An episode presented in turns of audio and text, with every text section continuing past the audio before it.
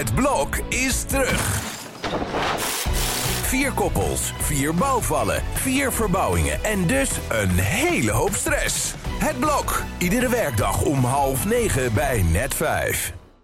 Dit programma wordt mede mogelijk gemaakt door Ehm Krasloten.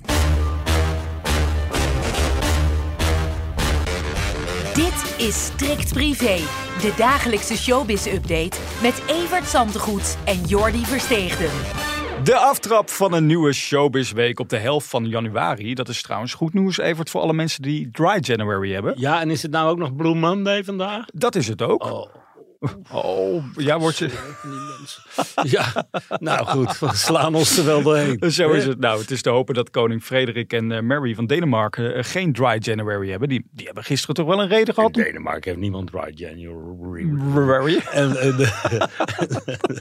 en ik denk dat ze, als zij Blue Monday hebben, dat ze een slechte start hebben. Na de eh, opgewekte dag van gisteren. Ja. Het werd in Nederland niet uitgezonden, maar mensen die wel gekeken hebben. Ja, het, het was toch wel geestig. Hoe ontzettend veel Denen, er zijn er maar 5,5 miljoen, er naar dat plein gekomen waren om het nieuwe koningspaar toe te juichen. Dat is Ja. een enthousiasme wat we bij ons niet gezien hebben. Trouwens, de populariteit in Denemarken van het Koningshuis is ook een stuk hoger dan bij ons. Mhm. 80% maar liefst. En dat na het ene half schandaal na het andere. Dus eh, ja, nou ja, het lijkt mij een goede start voor die gozer. Ja, toch waren er een aantal ongemakkelijke momenten natuurlijk gisteren die we hebben kunnen zien. Daar. Ja, dat, nou ja, dat moest enorm geïmproviseerd worden. Want er is nog nooit een koning die het koningschap overleefd heeft. Je gaat daar gewoon dood, dood, dood tot je dood bent. En, en die Margaret, ja, daar moest dus wat voor verzonnen worden. Dat ze de handtekening zou zetten en de deur zou vertrekken. Met de auto alleen naar huis. en Zo. Dat zag er allemaal heel erg ongemakkelijk uit. Maar wat Boetje, ja, nou goed. We gaan even naar Maxime Meiland. Eh, want daar kwam, ja, dat, dat nieuws gaat ook maar door. Hè. De ene aangifte is nog niet gedaan, of de volgende is, die volgt alweer. Aangifte teruggedaan. Eh, en, het, eh, we moeten nog een maand wachten op het kort geding. En ja, dat gaat achter gesloten deuren plaatsvinden. dan zouden we daar wel een heleboel te horen krijgen. Nou,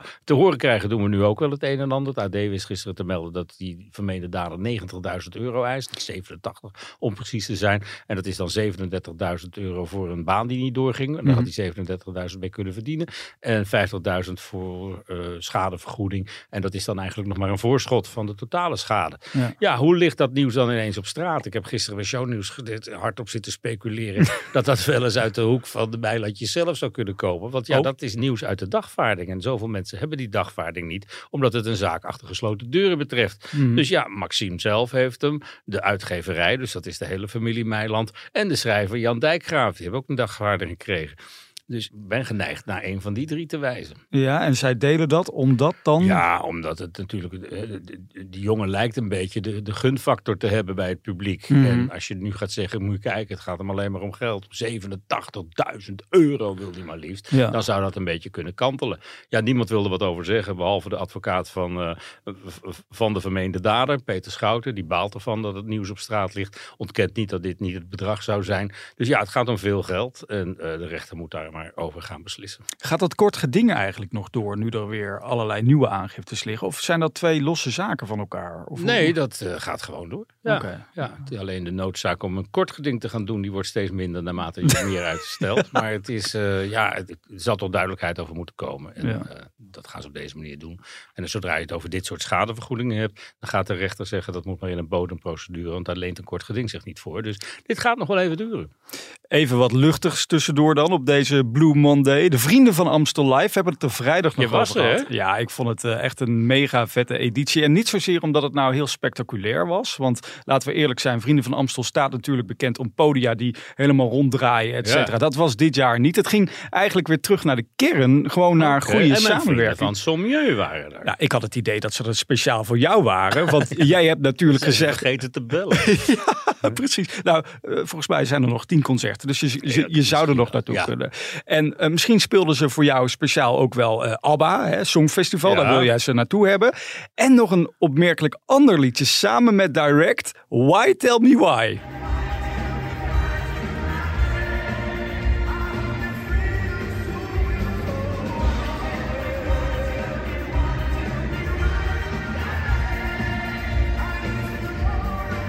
Nou, je kan wel horen dat dit in de grootste kroeg van Nederland is opgenomen, Ja, maar... wordt het niet. Dit is het nummer wat volgens mij naar het Songfestival gemoeten had. En Anita Meijer in 1981. Ja. Maar dat is niet gegaan. Ja. En de groep die van mij naar het Songfestival moet. Dus die combi, ja, die spreekt mij wel aan. En dat is ook een reden om ook even naar Ahoy te gaan. Want Why. Tell Me Why is echt een geheide Songfestival knaller. Het is uitgekomen in 1981. Had Anita Meijer moeten winnen van Bugs Fizz met eh, Making Your Mind Up. Weet ja. je? Met die rokjes die opgetrokken worden. Dus dat was een harde concurrentie geweest. Maar ja, ik had eh, wel vertrouwen in dat Anita dat gewonnen had. Want dit nummer, dat staat als een huis. Martin Duitser heeft het geschreven. Die heeft één ding vergeten. Het op- in te zenden naar het Songfestival.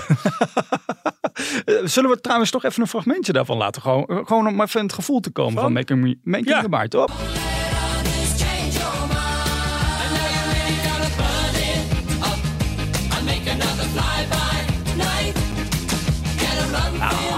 Dit was toen ook de geheide winnaar. De absolute favoriet. Maar ja, dat komt natuurlijk omdat Anita Meijer Ja, niet precies. meedeed. Nou ja, ehm, als je nu nog last hebt van een Blue Monday, dan, dan weet ik het ook Ligt niet het niet aan ons Dan ligt het in ieder geval niet aan ons. Nee. En eh, ik heb de hoofdorganisator van de Vrienden van Amstel gesproken. Hij is nu alweer bezig met de volgende editie. Nou, ik zou zeggen Dus, eh, weer met Sommieu. Want ja, dat zijn toch wel stemmingmakers eerste klas. En ik Ah. hoop echt dat zij een keer die stap wagen naar dat Songfestival. Ja. En dan wordt een Multicolors de tweede single natuurlijk na het Songfestival succes. En dat Ja. wordt een geheide Europese hit. We mogen sowieso al trots zijn op eh, Nederlandse artiesten. Vandaag zijn weer allerlei lijstjes bekend geworden. Waaronder dus van de exportwaarde van het Nederlandstalige product in het buitenland.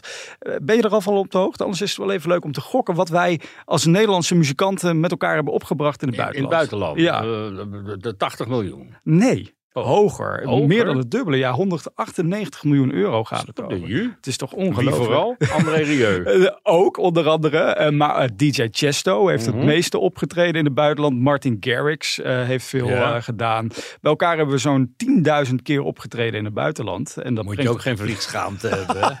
Oh. Ja, ja. Nee, inderdaad. Vanochtend zat trouwens Prins Constantijn bij WNL. En die zei, ik mis Kensington in dit rijtje. Maar die, die treden ook helemaal niet meer op natuurlijk. Nee, Die hebben geen zanger meer. Dus misschien Nee. volgend jaar. Nou ja. Lakai is vergeten bij te praten. Vanavond weer terug op de buis voor de liefhebbers. Vandaag Inside, Wilfred Gené. Ja. Ja, er gingen allerlei speculaties dat zij dan nu minder waard zouden zijn. Omdat Helene het natuurlijk heel goed heeft gedaan. Maar daar is hij het zelf niet zo mee eens, geloof ik. Nee, daar is er ook geen sprake van. Ze hebben een contract voor lange tijd. Dat Ja. staat als een huis. En die kijkcijfers vanavond. Ik denk dat iedereen er wel weer naar uitkijkt, zo'n beetje. Naar, eh, er is genoeg gebeurd de afgelopen weken. Dus eh, ik ben benieuwd wat de snor erover te zeggen heeft. Eh, En ik- veel mensen met mij. Ik denk dat de snor die zegt altijd wel, nou ik ben toe aan vakantie. Maar volgens mij mist hij het dan Ik ook denk wel. het ook. Je ziet toch? hij altijd in shownieuws. En eh, de hele zomervakantie heeft hij gewoon de snor kunnen zien. Ja, Die had hem precies. niet gedrukt. Eh, precies. Ehm, trouwens, Wilfred Gené, toch voor alle fans die denken, nou ze gaan nog jaren door. Volgens Wilfred zit dat toch iets anders. Als het nu zou stoppen, zou ik het ook goed vinden. En dat bedoel ik in die zin van, als het een keer ophoudt, het houdt toch een keer op. Johan wordt 75 over drie weken. Eh, René is in de 60, ik ben in de 50. En we doen dit al heel lang. Er komt een keer een einde aan. Zou dit een onderhandelingstactiek zijn? Dit is Roger Moore, die elk zei, elke keer zei: Dit is mijn laatste James Bond film. Ja. En er uiteindelijk vier of vijf gemaakt heeft. Dus eh, Ja. ja. dit is gewoon eh, doen alsof je niet eager bent. En Ja. deze man is zo ambitieus. Die, die laat dit echt, eh, die melkt dit uit tot het echt niet meer kan. Ja. En ja, dat, dat geldt volgens mij voor alle drie. Je zou ook wel gek zijn. Het is toch gewoon leuk. Je kan ook s'avonds op de bank zitten, zegt Derks altijd. En daar moet mevrouw weer niet aan denken. Dus ik, ik zie nog geen eh, eind in zicht. Ik ook niet van deze podcast. Want goed nieuws, we zijn er de hele week weer. Dus ook morgen om 12 uur. Tot dan.